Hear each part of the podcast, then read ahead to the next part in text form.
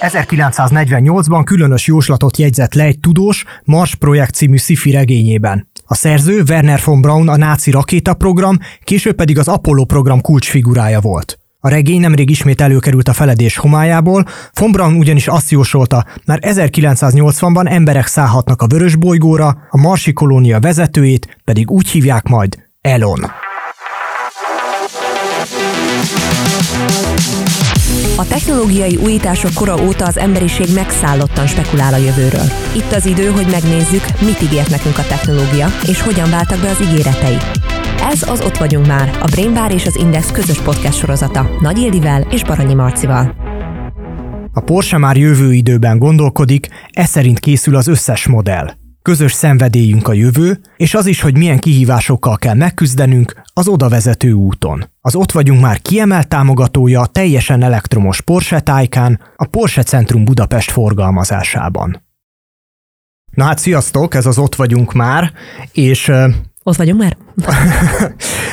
Én Baranyi Marci vagyok, és itt van velem a stúdióban Nagy Ildi. Hello, sziasztok! Mind a ketten a Brain Bar szerkesztői vagyunk, és most belecsaptunk egy olyan sorozatba, amiben a következő részekben azt fogjuk megnézni, ahogy a bevezetőben is ígértük, hogy mit ígért nekünk igazából a technológia, és hol tartanak most ezek a jóslatok?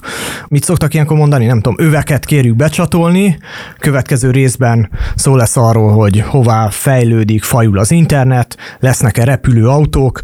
Lesz szó a... időutazásról, ami hát én nagyon várom már. És arról is, hogy ö, vajon kipusztít-e bennünket a mesterséges intelligencia. Csupa vidám téma, nem Marci? De minden esetre mi bele fogunk csapni, és megnézzük, hogy vajon mi jött be ezekbe az ötletekből. Ebben az első részben rögtön a Marsról lesz szó.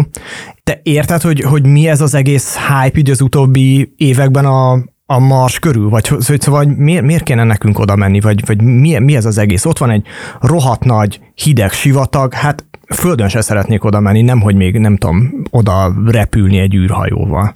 Hát ez érdekes egyébként, mert azt mondod, hogy ó, én még földön se szeretnék oda menni, de egyébként nagyon sok ember van, aki földön is például kifejezetten szereti ezeket a tájakat. Tehát kezdjük azzal, hogy szerintem igenis van, akiket ez érdekel.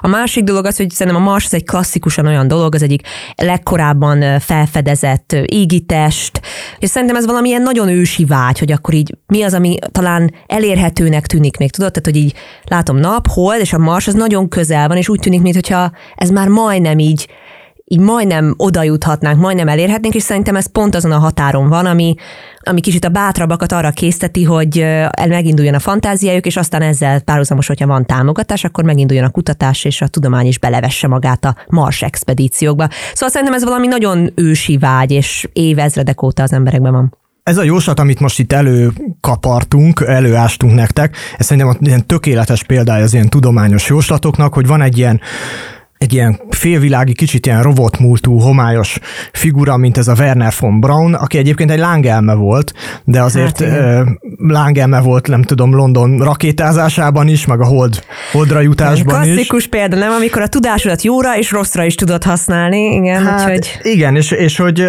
az ő ilyen marsra szállási tervei azok nem úgy indultak, hogy egy embert viszünk oda, hanem rögtön egész valami egész flott, flottát, flottát támadott ebbe a regénybe, és akkor még ez össze van kapcsolva Elon musk tehát, tehát az egész... Ez hihetetlen egyébként, ez, ez nagyon-nagyon durva, hogy pont Elon... Kicsit, kicsit ilyen, már ilyen, ilyen Nostradamus szint. Uh-huh. Mondjuk ugye azt, azt eltévesztette, vagy azon már túl vagyunk, hogy azt mondta, hogy 1980-ban már, már a Marson lehetünk, úgyhogy erről néhány évtizeddel lekéstünk.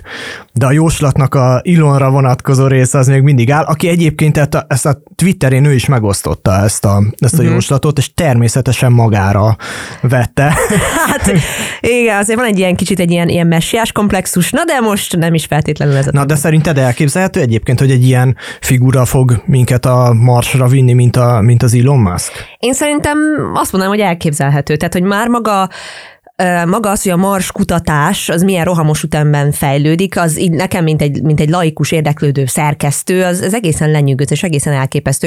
És mindig kicsit azt nézem ebben a Mars kutatásban, és azért találom talán ezek közül a területek közül szimpatikusnak, mert nagyon sok minden rögtön a földre vonatkoztatható. Szóval kicsit, mint a saját magunkat keresnénk abban a bolygóban, vagy a saját földünknek egy lenyomatát, vagy egy verzióját akarnánk ott kialakítani, és ezért én ebben néha a tudományos, fantasztikus dolgokon kívül, meg a Támad a Mars című filmen kívül azért látok egy, egy ilyen nagyon nem is tudom, emberközeli dolgot, és ami furán hangzik, de, de én úgy érzem, hogy ez a Mars kutatás, ez, ez szerintem így mintha közelebb hozna minket a tényleg az a naprendszerünk univerzumunk megértéséhez, és nem csak egy ilyen skifi regény lapjain. Tök érdekes, amit mondasz, mert ilyen szempontból akkor a Mars egy ilyen tükör, vagy egy ilyen vetítő, vetítő vászon, Igen. amire így a gondolatainkat rávetítjük. Igen, én nekem határozottan az a véleményem, hogy kivetítünk rá egy csomó mindent. De hogy, de hogy szerinted az Elon Musk lesz az, aki ezt megoldja, és most tényleg kell valaki, aki neked megszállottan nyomja ezt a témát, uh-huh.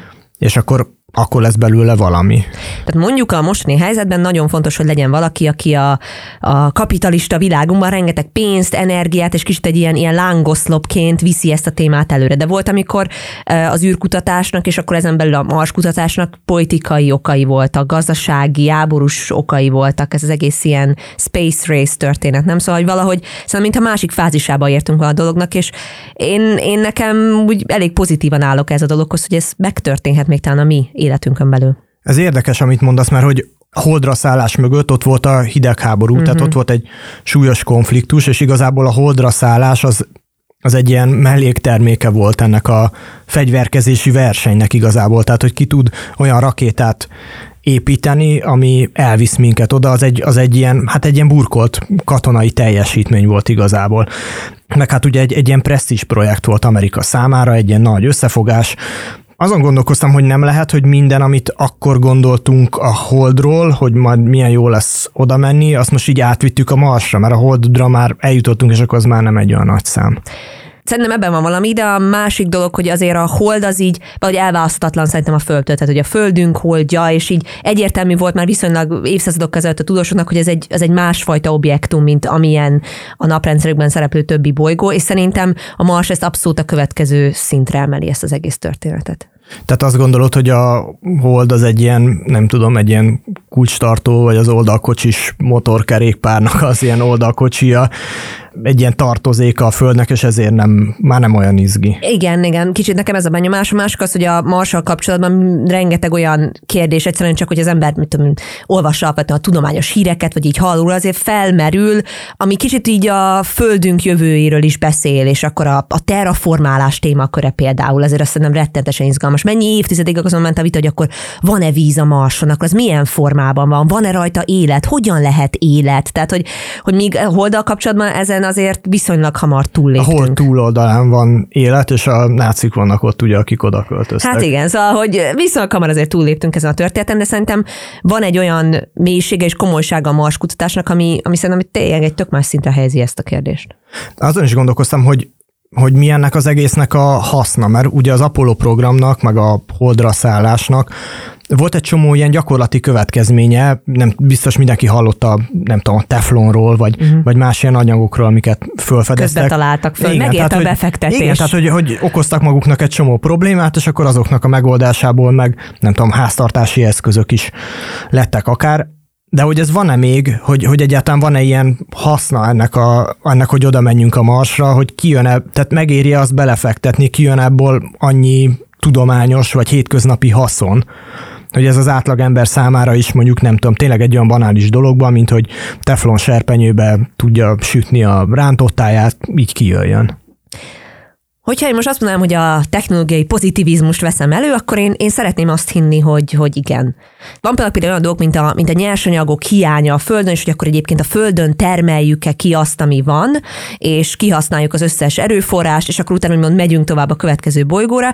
És akkor ezzel kapcsolatban most ilyen nagyon ilyen futurisztikus elképzeléseket, hogy mi lenne, hogy egyébként a bányászatot egy az egyben ki elvinnénk a Földről. Ha is kiszerveznénk Aha. a Földről, és a, a naprendszerünkön belül az elérhető távolságban lévő bolygókon annyi hihetetlen ásványi anyag és, és nyersanyag, és minden olyasmi van, ami majd kitermelhető lenne, úgyhogy én el sem nem képzelni, hogy akkor azzal mi minden tudna az emberiség találékonysága kezdeni. Na jó, de hát most még el se tudunk oda jutni, szóval, hát hogy, persze, hogy akkora, akkor ennek a költsége, hogy... De az a kérdés, amit, amit fölvetsz, viszont szerintem tök jogos, hogy van egy olyan része is a Marsra való eljutásnak, hogy ez nem egy lehetőség lesz, hanem egy idő után egy kényszer. Igen, ez, és ez hogy... is egy izgalmas dolog, nem? Tehát, hogy meddig, biztos vagyok benne, hogy vannak olyan marskutatók, akik azért is gondolkodnak ezen a kérdésen, mert lehet, hogy van ennek egy olyan félelem, hogy meddig maradhatunk itt.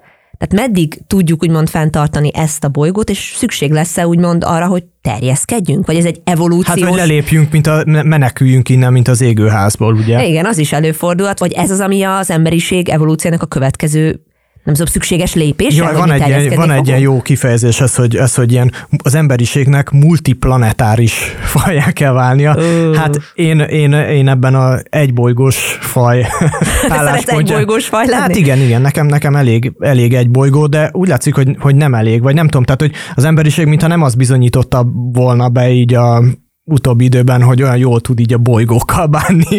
úgyhogy, úgyhogy lehet, hogy, lehet, hogy ez arról szól, hogy keressünk egy új bolygót, amit Hát tönkre tehetünk. Na de itt felmerül az etikai kérdés rögtön szerintem, hogy mi az, mit jelent az, hogy tönkre tenni? Tönkre tehetsz valamit, ami nem is él, vagy élet Ja, hogy először, rajta. hogy először létrek, vagy először így terraformálni kell, ugye ezt a szót szokták használni, és akkor utána tegyük majd csak tönkre. Hát nem, már az is kérdés, hogy a terraformálás valaminek a tönkretétele-e? Tehát, hogy nem a, a tönkretétele, hát nem, nem, persze, utána csinálunk belőle, nem tudom, valami élhet, élhető bolygót, igen, és akkor, és akkor aztán elrontjuk. De csinálhatunk belőle ugye ilyen, ilyen ez is egy ilyen szifiknek egy ilyen visszatérő toposza, hogy egy ilyen börtön bánya telepet is. Na, és már is oda jutottunk, amit, amit korábban már említettünk, hogy mint a kicsit kivetítenénk egy csomó minden problémánkat, fantáziánkat, az emberiség kihívásait, egy másik bolygóra. Na, de hogy ebből mi a realitás, nekem ez az, ami egy nagy kérdés, mert szerintem a Mars az megmozgatja az emberek fantáziáját hétköznapokban, filmekben, könyvekben. Na de mi az, ami ebből tényleg megvalósulhat? Na hát itt jön az a pont a beszélgetéseinkben, amikor hívtunk is egy vendéget erre, mert itt most okoskodhatunk mi ketten arról, hogy minek kell, vagy, vagy miért kellene, vagy, vagy miért lesz muszáj, vagy miért lenne érdemes a Marsra menni. Úgyhogy érkezik is a stúdiónkba a Csillagászati és Földtudományi Kutatóközpont tudományos segédmunkatársa Pál Bernadett. Nácia Berni, köszi, hogy itt vagy. Sziasztok, köszönöm szépen, hogy itt lehetek. Mi tudunk többet amúgy a Marsról, mint amikor a, ez a jóslat született mondjuk a második világháború után? Hú, hát milyen hosszúra tervezitek ezt a műsort? hát egy mondjuk egy Mars utazásnyi időtartalma. hát akkor itt leszünk egy darabig.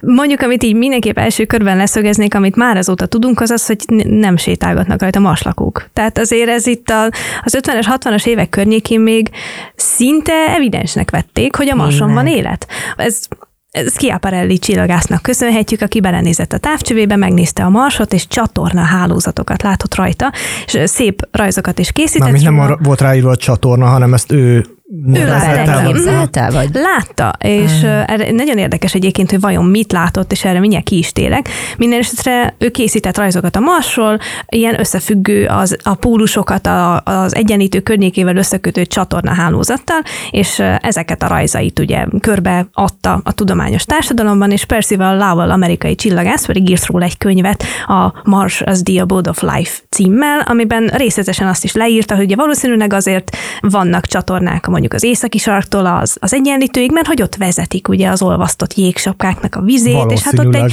egy, egy intelligens civilizációt él, hiszen ugye csatornákat építettek. Na de senkinek nem jutott eszébe belenézni abba a távcsőbe, és megnézni, hogy hogy ilyen csatorna gondolom nincsen, vagy ez nem, a, vagy ez nem csatorna, hanem valami hmm. más. Hát ugye azóta vannak jobb távcsöveink, de amit valószínűleg egyébként láthatott Schiaparelli ebben a távcsőben, egyébként azok a saját szemfenekének az érhálózata.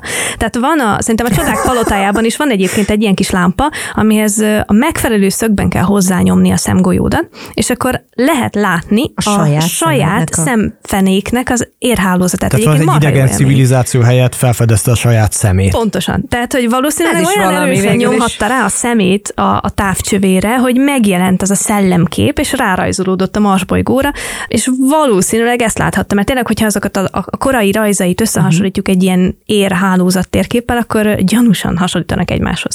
Sőt, én egyébként úgy hallottam, hogy volt egy verseny, amiben minél előbb földön kívüli civilizációt kellett találni, és élből kizárták a marsot, mert ott mindenki tudja, hogy van élet. Tehát, hogy hogy ott nem nagy cucc találni egy másik De ez civilizációt. tényleg egy ilyen meggyőződése volt mindenkinek, hogy, hogy ez egy ilyen evidenciaként kezelték ebből, hogy valaki egyszer észrevette a saját személynek a nem tudom milyeit a, a távcsőben. Hát én ezt nem merem kijelenteni, hogy mindenki így gondolta, de ezért egy elég nagy egy elég nagy szelete az emberiségnek, ez tényleg ilyen evidenciaként kezelte. Egyrészt, másrészt meg ez kicsit ilyen reményteli is volt. Ugye ott a háború után, világháborúk után, abban az időszakban volt egy olyan kép, hogy a Marson él egy nálunk fejlettebb civilizáció, uh-huh. és úgy voltak vele, hogy ha sikerül velük felvennünk a kapcsolatot, akkor ők megtaníthatják nekünk azt, hogy hogyan tudunk békében élni egymással itt a Földön. Ez most is jól jönne egyébként, úgyhogy kár, hogy nincsenek ilyen marsi civilizációk, akik el tudnák nekünk mondani, hogy hogyan csináljuk ezt jobban. De volt egy ilyenfajta vágyódás is, hogy hogyha találunk egy nálunk fejlettebb, okosabb, intelligensebb, jobb civilizációt, akkor ők megtanítják, hogy mi hogyan legyünk jobbak. Na és akkor ehelyett viszont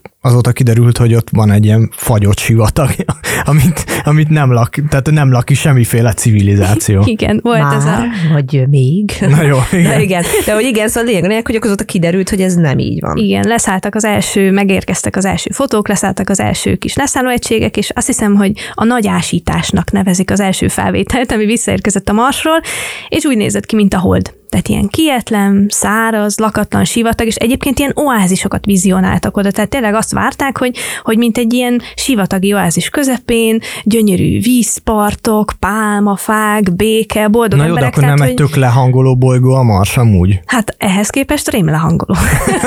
Na jó, de te mégis ezzel a kutatásával foglalkozol. Mi, mi, az, mi az érdekes a Marsban? Hogyha, té, hogyha, hogyha tényleg csak egy ilyen kopár... Na de megint a saját, saját, ami szerinted érdekes, azt várod, hogy érdekes legyen ott is? Nem, azért kérdezem, hogy kíváncsi vagyok, hogy, hogy téged mi foglalkoztat benne. Hát én egyébként belesodródtam úgymond a Marsnak a kutatásába, tehát engem a planetológia fogott meg nagyon. Amikor láttam egy, egy titán, egy híres titán fotót, ugye ez a Saturnusnak a holdja, ahol ilyen metántavak, metánfolyók, metáneső, tehát az is egy nagyon különleges, csak nagyon Metáneső. távoli világ. Csatornákat láttál? Egyébként metáncsatornákat. Úgy értem, mint egy, olyan, mint egy ilyen rockbanda, nem? A Igen. metáneső. Sziasztok, Igen. mi vagyunk a metáneső. Igen, ez egy metán bolygó. Bocsánat, ez egy ez egy hold, hold. Ez egy hold. Mhm, Igen, ez a Metán hold a Saturnusnak az egyik holdja, és ott már egészen a mi általunk megszokott anyagok, mondjuk például az, hogy mi nálunk itt az oxigén, az, az levegő, vagy mi nálunk a metán az általában gázformában van jelen, uh-huh. főleg tehenekkel teli földek fölött. A, ott már cseppfolyós. Tehát ott, amiatt, hogy, hogy egészen más körülmények uralkodnak, ott az általunk ismert ö, anyagok teljesen más ö, halmazállapotban vannak jelen. És akkor ott mondjuk a metán az folyik, meg esik, a, a víz, amit mi pedig itt iszogatunk az asztalon, az pedig ott gyakorlatilag a földi szilikátos kőzeteknek veszi át a helyét, és ilyen kis szépen legömböített vízkavicsok vannak itt-ott. Vízkavicsok. Hát ez ilyen. Na és, a Hát, Marson, mi, és ehhez képest a kavicsok. Marson mi az, ami nincs, van-e, van-e víz egyáltalán, vagy vízkavicsok? Ez, Szóval- a, ez, ez a, az egymillió forintos kérdés, hogy van-e víz a Marson. Uh, ugye Akkor most várjuk tőled a választ. Remélem, hogy van. A korrekt válasz az az, hogy van víz a Marson. A kérdés az, hogy milyen formában. Mert vízjég, az van, azt már például a Főnix is kiásott egy adag ilyen kis Ez vízjég egy szonda, tömböt. vagy valamilyen kis ő guruló egy izé? kis rover volt, igen, uh-huh. igen, igen, igen. Folyékony víz az jóval kisebb mennyiségben, meg vízpára az van, de ugye itt a Mars, hát a Marsnak van valamicske kicsi légköre, de hogy, hogy úgy kicsit össze tudjuk valahogy hasonlítani, mondjuk a Föld légkörének a kb. egy százaléka, tehát gyakorlatilag szinte vákum van, úgyhogy ott Vákum. Uh-huh. Annyira okay. kicsi ugye a légnyomás, hogy gyak- gyakorlatilag annyira ritka a légkör, annyira kevés kis részecske maradt meg a, ott a bolygó körül, hogy, hogy gyakorlatilag vákumnak tekinthető. Tehát mondjuk például én is végeztem korábban ilyen marsi körülmények közötti kísérleteket, és ott kb. vákumra állítottuk be a kis kis hőkamránkat, mert hogy az úgy nagyjából megfelel a marsnak.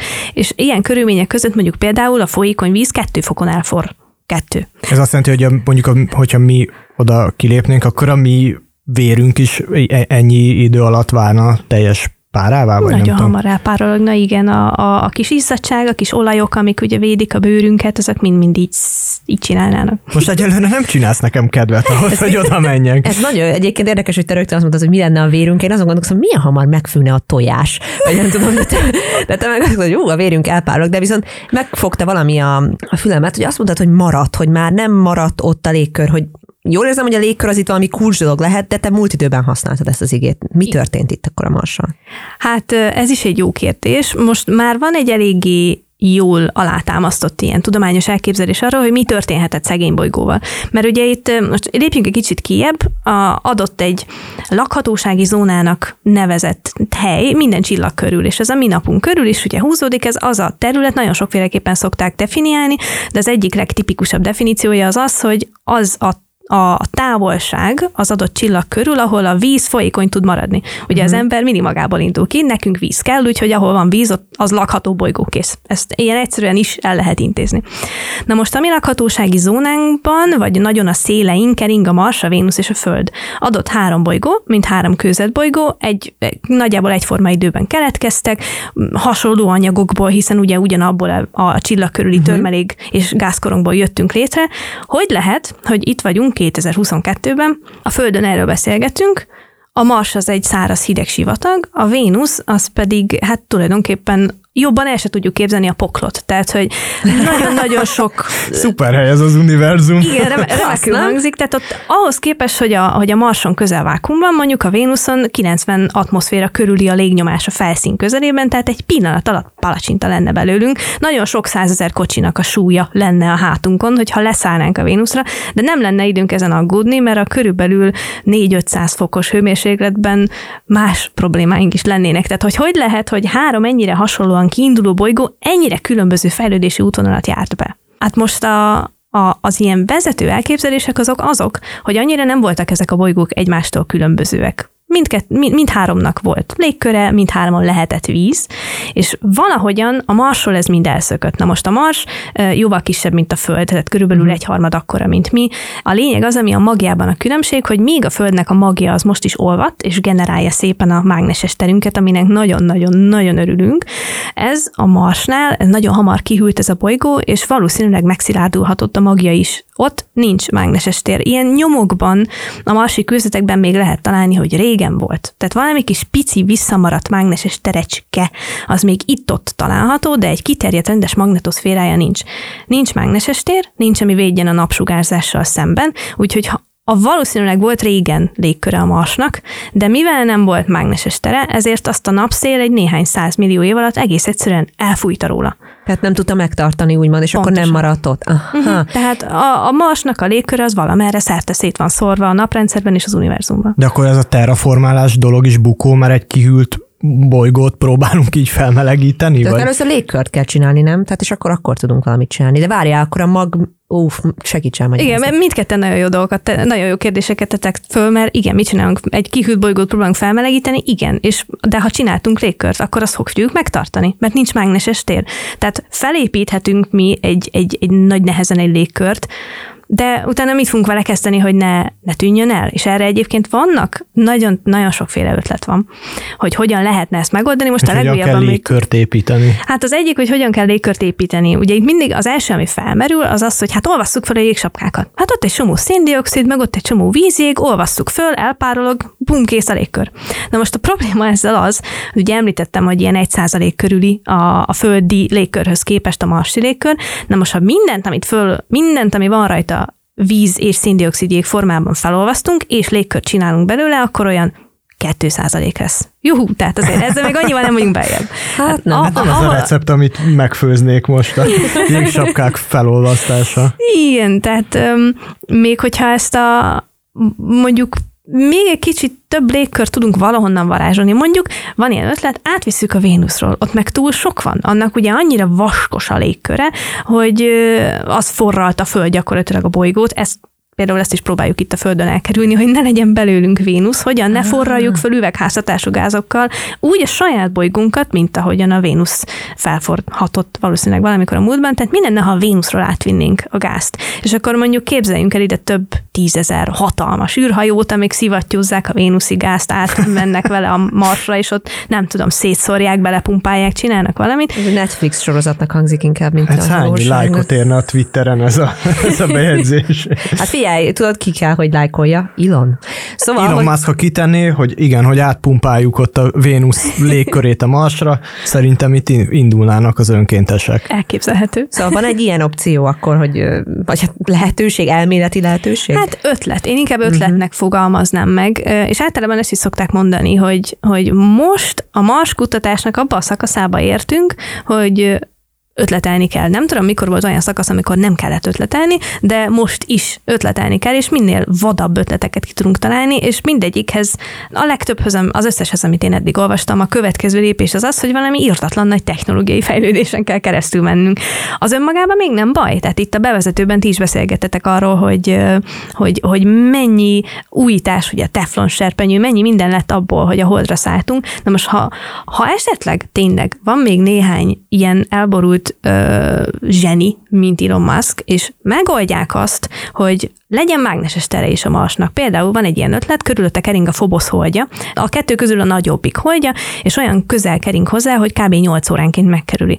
Hogyha meg tudják oldani, hogy a Phobosnak a felszínéről egy nagy energiájú részecske áram ö, folyamatosan jöjjön ki, tehát valahogyan ionizálják mondjuk a felszínét. Nem biztos, hogy tudlak követni, hogy mit kell pontosan csinálni. Tehát a, a Mars holdjáról holdjának a felszínét kéne ionizálni, Igen. azért, hogy ahogyan kering a Mars körül, mindig húzzon maga után egy ilyen töltött részecske áramot. Okay. Gyakorlatilag oda, akar, oda akarunk kiukadni, hogy egy ilyen kis plazmagyűrűt hozzon létre a Mars körül, egy ilyen kis töltött plazmagyűrűt, ami már önmagában ki tudna alakítani egy olyan mágneses védelmet, ami meg tudná védeni a Marsot a napnak a káros bontó sugárzásától. Ugye, meg hogy... minket is attól, hogy ott a napsugárzásának akkor ki legyünk téve a Marson. Igen, igen. Tehát ugye a napból érkező töltött részeske áramtól minket is a saját mágneses terünk véd meg. Tehát mi itt tök jól védve vagyunk, van is légkörünk. Nem, most én elkezdtem jobban becsülni a Földet, mert azért vannak itt rosszabb, rosszabb forgatókönyvek is a világegyetemben, hogy milyen, milyen bolygók léteznek. Egyre jobban szeretem a mágneses terünket. Igen, egyébként szerintem, ha a Vénuszon nem lenne 400 fok, meg nem lenne ez az áthatóhatatlan, vagy hát közel áthatatlan légkör, mert azért a venyerák leszálltak, rövid ideig még működtek is, akkor szerintem a Vénuszt ugyanekkora lelkesedéssel és elánnal kutatnánk de az sokkal nehezebb megoldani technológiailag. A Marsra könnyebb leszállni. Ugye mi van még? Ott van a Merkur, de az meg rettentő közel van a naphoz, őrületes forróság van rajta, tök kicsi, tehát oda meg pláne nem akarunk oda költözni, mert ott is 200 fok van, amikor napos az idő. Okay. Ehhez képest mondjuk itt a Marson néha kellemes 15 fok van. Wow! Ez tök jó. Hát ez egy Van mínusz 120 jobb tavaszi nap. Végülis egy kabátban is ugyanúgy mennyi két perc alatt párolog el a. Oh, okay, okay, ez okay. így igaz. tehát, tehát még az elérhető bolygók közül még mindig a Mars a, a legopcionálisabb. Még mindig uh-huh. oda van a legtöbb esélyünk elköltözni, mert a kiebb meg mik vannak, gázbolygók. Oda akármennyire igyekszünk, nem tudunk leszállni a felszínére, mert nincs neki. Tehát, hogy marad a Mars. Igen, marad a Mars. Tehát ott van a hold, és, és ahogyan ti is elmondtátok, ott már jártunk, az már uncsi. Jó, ez egy nagyon-nagyon durva sarkítás, de, de azért nem, mégis egy másik Miért nem vagyunk még ott? A Marson. Vagy mi, mi az akadálya ennek? Technológia nagyon-nagyon sok technológiai akadálya van még annak, hogy mi oda elkeveredjünk. Tehát most már ott tartunk, hogy már kettő nemzet sikeresen leszállt a Marsnak a felszínére, de ezt rengeteg olyan kísérlet előzte meg, ahol becsapódott, leszállt, de elvesztettük vele a kapcsolatot, vagy sikeresen leszállt, működött, és utána elnyelte egy porvihar, be, beleakadt valami kis folyós homokba, és nem tudott kijönni, és lemerült, és Ez elaludt. Ez őrület, nem, hogy ott a tudósok ott nézik, nem tudom, ahogy ezt így a filmekben szokták mutatni, a rengeteg képernyő mm. előtt, ott nézik, hogy leszálljon az a kis marsjáról, és akkor elakad a egy homokban, és ott nem tudom, nyomogatják a joystickot, és ott nem tud kimenni, és akkor... Igen, ez amúgy szerintem rém szomorú. Hát 2018-ban volt az utolsó globális nagy porvihar a Marson. Ugye azért, mert ennyire ritka a légköre, nagyon könnyen, és mindenhová száll az a nagyon finom por. Uh-huh. És az a nagyon finom port, ezt fel tudja úgy kapni a szél.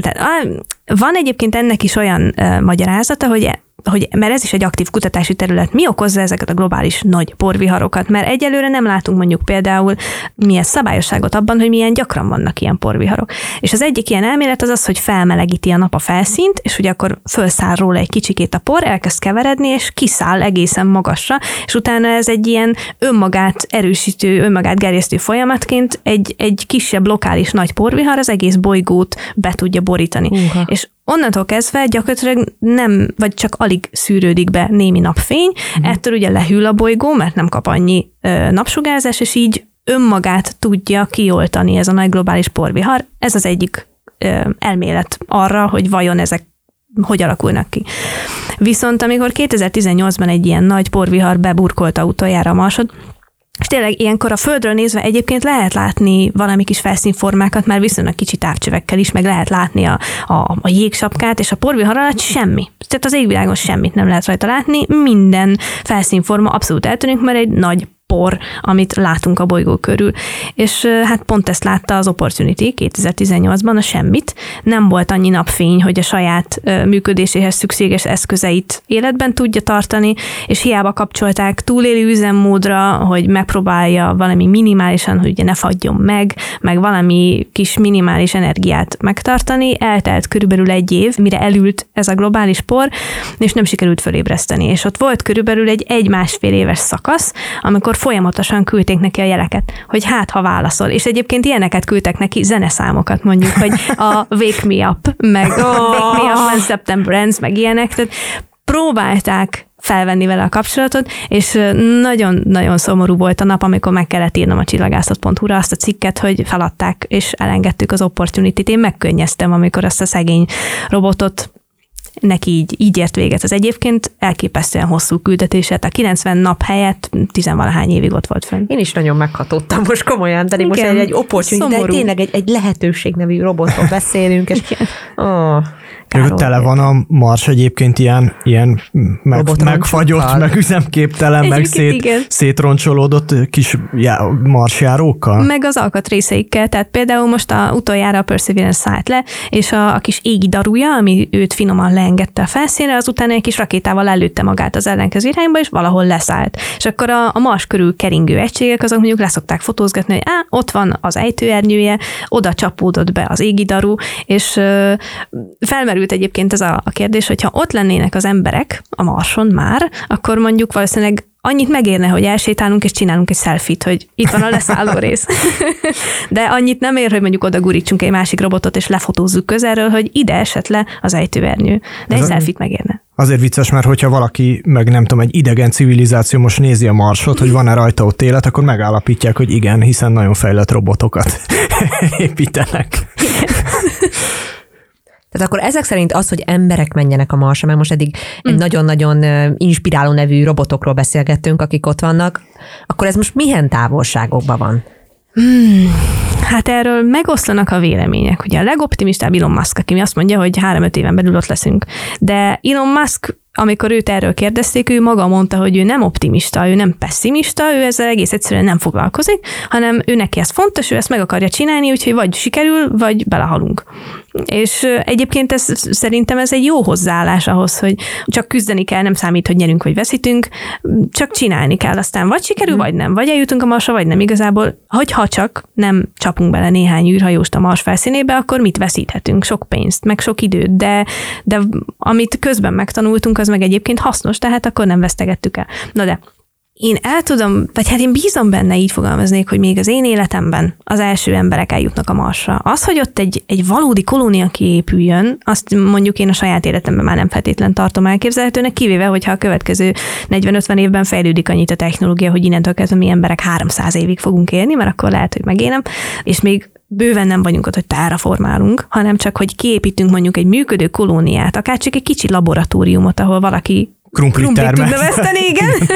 Már az is egyelőre elképesztő távolságban van, és azért, mert mondjuk nyilván, és ez most kicsit nem annyira kedvesen fog hangzani, hogy nyilván rengeteg energiát, pénzt, emberi munkaidőt teszünk bele abba, hogy robotokat elküldjünk a Marsra. De hogyha hogyha nem sikerül, ha belecsapódik, akkor no problem. ott tegye a fenem. Igen, tehát hogy Aha. igazából nem, mert abban rengeteg embernek nagyon sok munkája, energiája, pénze van benne. De tehát nem én, csináltunk egy Mars mártírt belőle. Igen, igen, tehát azért ö, biztos megsiratják, mint ahogyan én is megsirattam Opportunity-t, vagy annak idején a Cassini-t, de, de azért mégsem ugyanaz, mint hogyha föl kell hívni valakinek a, a feleségét, vagy a férjét, vagy az anyukáját, vagy a, a akárkiét, hogy hát nem jött be az első marsra szállás. Tehát, tehát az, hogy eljussunk oda, hogy ténylegesen embereket merjünk föltenni egy olyan űrhajóra, aminek a célpontja a mars, ahhoz nagyon biztosnak kell benne lennünk, hogy ők túl fogják érni az utat. De még nem tartunk ott, hogy, hogy legyen egy ilyen űrhajó, ugye? Nem. Nem, még nem. Tehát lenne olyan űrhajó, ami, amiben föl lehet pakolni egy embert, és elmegy a marsra, és belezuhan, vagy leszáll a felszínére, de nem lennék annak az embernek a helyében. Tehát mondjuk egy temetőnek lehet használni a marsot, mert az nem lesz baja a, a kis pici urnáknak, hogyha elküldjük őket a marsra.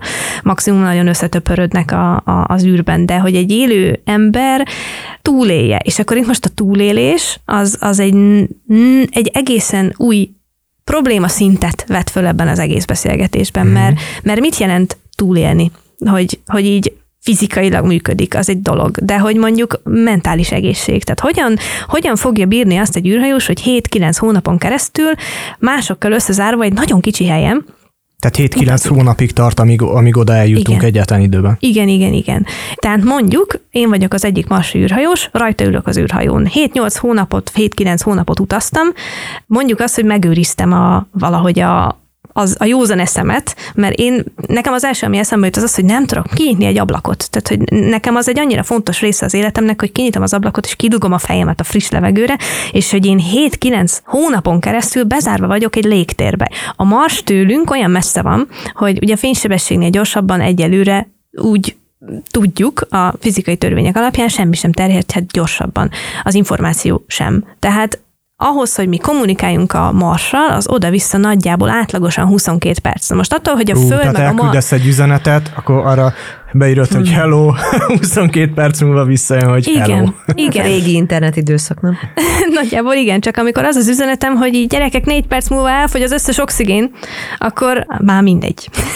Tehát, hogy egy olyan mértékű elszigeteltség lenne a Marson lenni, a Földhöz képest, amit, amit a nemzetközi űrállomáson ilyen szempontból nem tudunk letesztelni. Le lehet tesztelni az ilyen marsi, uh, marsi földi gyakorlóállomásokon, és szoktak is ilyennel tesztelni, hogy 22 perces ilyen eltolt kommunikációt végeznek egymással, de azért szerintem ott mégiscsak ott van az emberben, hogy jó, jó, jó, de azért csak az Atakama sivatagban ülök egy dobozban, tehát... Igen, igen, én olvastam ilyenekről, hogy akkor nem tudom, próbálták, próbálták azt megcsinálni, akkor egy hónapig egy önkéntes kutatócsoport, akkor be legyen itt zárva egy ilyen biodóm-szerű dologba, és akkor nem jöhettek ki.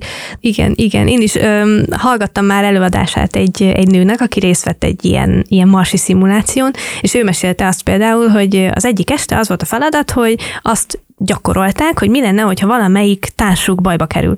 És az ő feladata az volt ebben, hogy éjszaka ki kellett mászkálnia az állomásnak a, a nagyjából belátható közösségébe, és el kellett feküdnie a földön, mint valaki, akinek ö, mondjuk eltört a lába, vagy, vagy valami baja van, a lényeg az, hogy nem tud mozogni.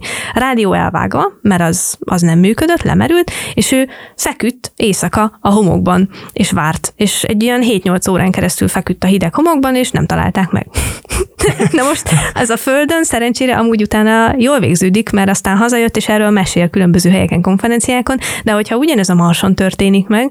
Hát már nem olyan szerencsés. Az is érdekes vízió volt, amit említettél, hogy de igazából oda be lehet csapódni, és ezt nem tudom, volt valamilyen szövege is szerintem az Elon Musknak, hogy a Marson akar meghalni. Ezt, ezt könnyen lehet teljesíteni, akkor ezek szerint mert bárkit oda előhetünk egy rakétával, hmm. becsapódik, kész a, kész a, és akkor Mars lesz ilyen, nem tudom, gazdagoknak a temetője, tehát nem a terraform, úgy terraformáljuk, hogy a temetőt, az a temetőt át tudjuk vinni a földről. a temetkezést a Marsra, azt könnyű megoldani. Ez nagyon érdekes egyébként, hogy ez tényleg már csak ilyen gondolatjáték. Ugye arról beszélgetünk, hogy, hogy akkor egy kolóniát oda kihozni. Egy kolónia, ha jól értem, mondjuk a, a a szónak a jelentés azt is jelenti, hogy akkor több generáción keresztül fut, és akkor um, próbáltam kicsit így utána nézni a, ennek az egésznek, és valami olyasmit olvastam, hogy még tulajdonképpen azt se tudjuk, hogy hogyan működik mondjuk egy terhesség az űrben. Tehát, hogy arról szó sincsen, érdekes.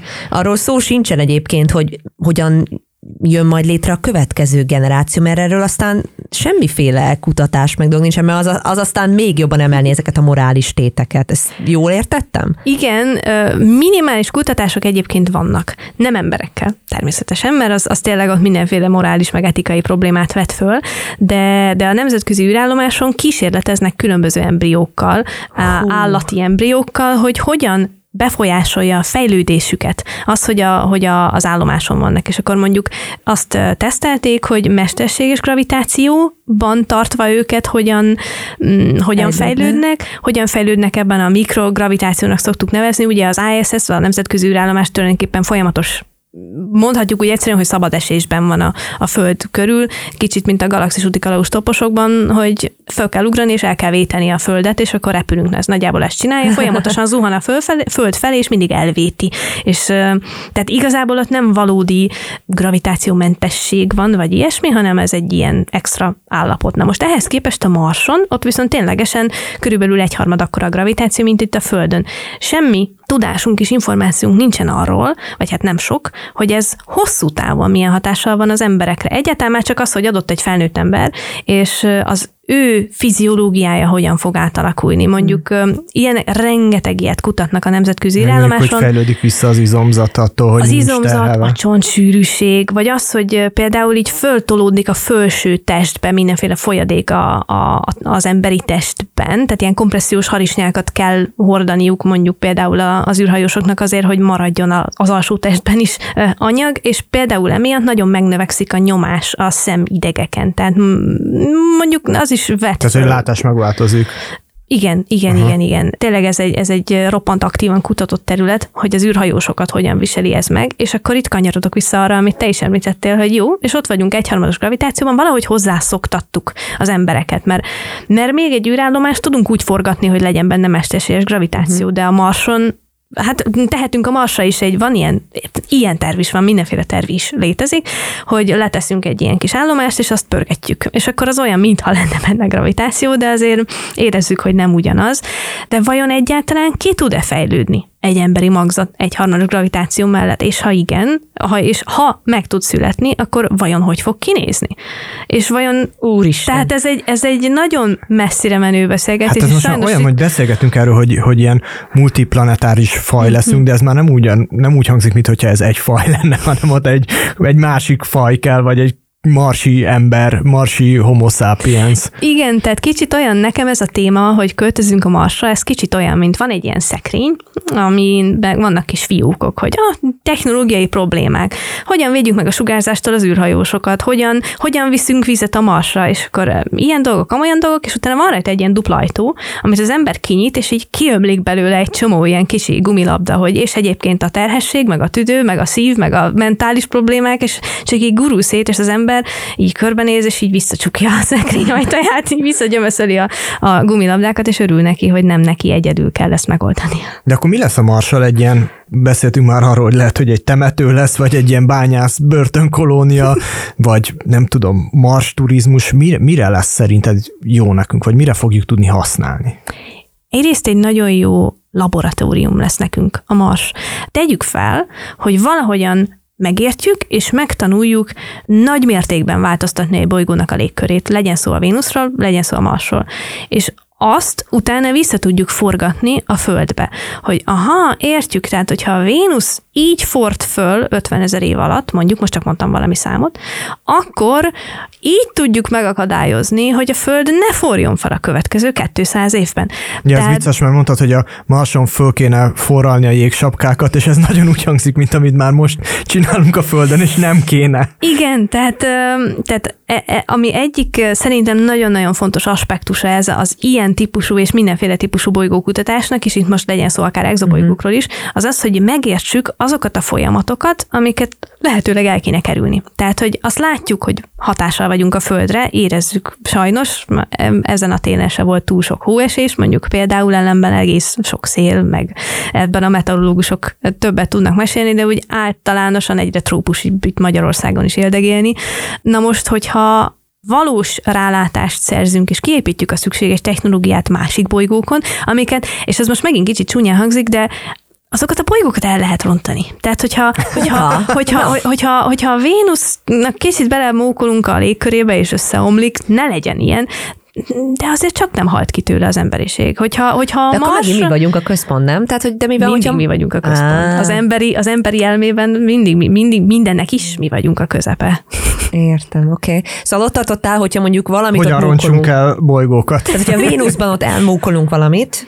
Ez most kicsit ugyanolyan gondolat, mint az, hogyha, hogyha egy robotot nem sikerül életben tartani, idézőben életben tartani, működés, működőképesen tartani a Marson, az még kisebb probléma, mint hogyha nyolc fős edzett űrhajós csapatot nem sikerült életben tartani. Mm. Hogyha ö, megpróbáljuk befolyásolni nagy mértékben egy másik bolygónak a fejlődését, a légkörét, és a többi, és a többi, és ö, nem sikerül, nem jön össze, nem úgy alakul, mint ahogyan mi elgondoltuk, akkor azzal még nem a saját bolygónkat tettük tönkre. Viszont, hogyha sikerül, akkor azzal meg tudjuk javítani a sajátunkat. Tehát így értem azt, hogy kicsit, kicsit nekem az olyan, mint a virtuális valóság. Hogyha a virtuális valóságban végzünk mondjuk kémiai laboratóriumi kísérleteket, akkor ott meg tudom csinálni, hogy összeöntök három dolgot, és felrobban. És uh, utána leveszem a szemüveget, és amúgy minden oké. Okay.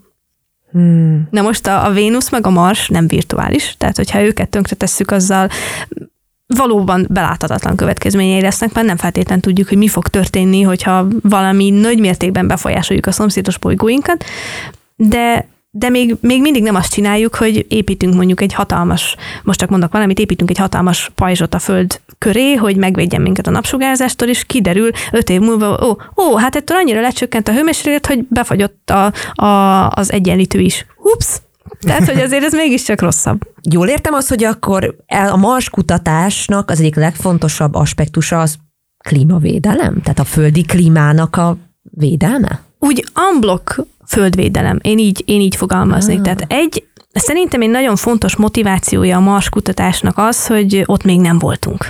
Uh-huh. Tehát ez a, ez a fajta késztetés, mint ahogyan a Mount Everest csúcsára is kell kis zászlót tenni, meg ahogyan az északi miért, sarknak miért a... meg? Mert, mert ott, ott volt. volt. Igen, tehát meg az északi sarknak is a leghidegebb helyére is le kell tenni egy kicsi zászlót, hogy ott is voltunk, már a Holdon is voltunk. A következő logikus lépés, menni kell a Marsra, mert ott még nem voltunk. Tehát van egy ilyen valamilyen ez általános az... emberi vágy, hogy meg kell hódítani. Oda is el kell menni. Ez a kíváncsiság, a kalandvágy. Igen, meg, igen, igen, ez a, a, a felfedezés, a, a hódítás, az az, hogy, hogy, hogy elmondhatja magáról az emberiség, hogy már a naprendszernek egészen külső részeire is elküldtünk egy szondát rajta egy arany lemezzel, ami rajta van, hogy hogy néz ki egy ember, és akkor nézhetjük interneten, hogy merre járnak mondjuk a Voyagerek. És ez is egy olyan érzés, hogy wow, milyen messzire eljutottunk. Mi, mint faj, mint vagy faj. mi, mint emberiség.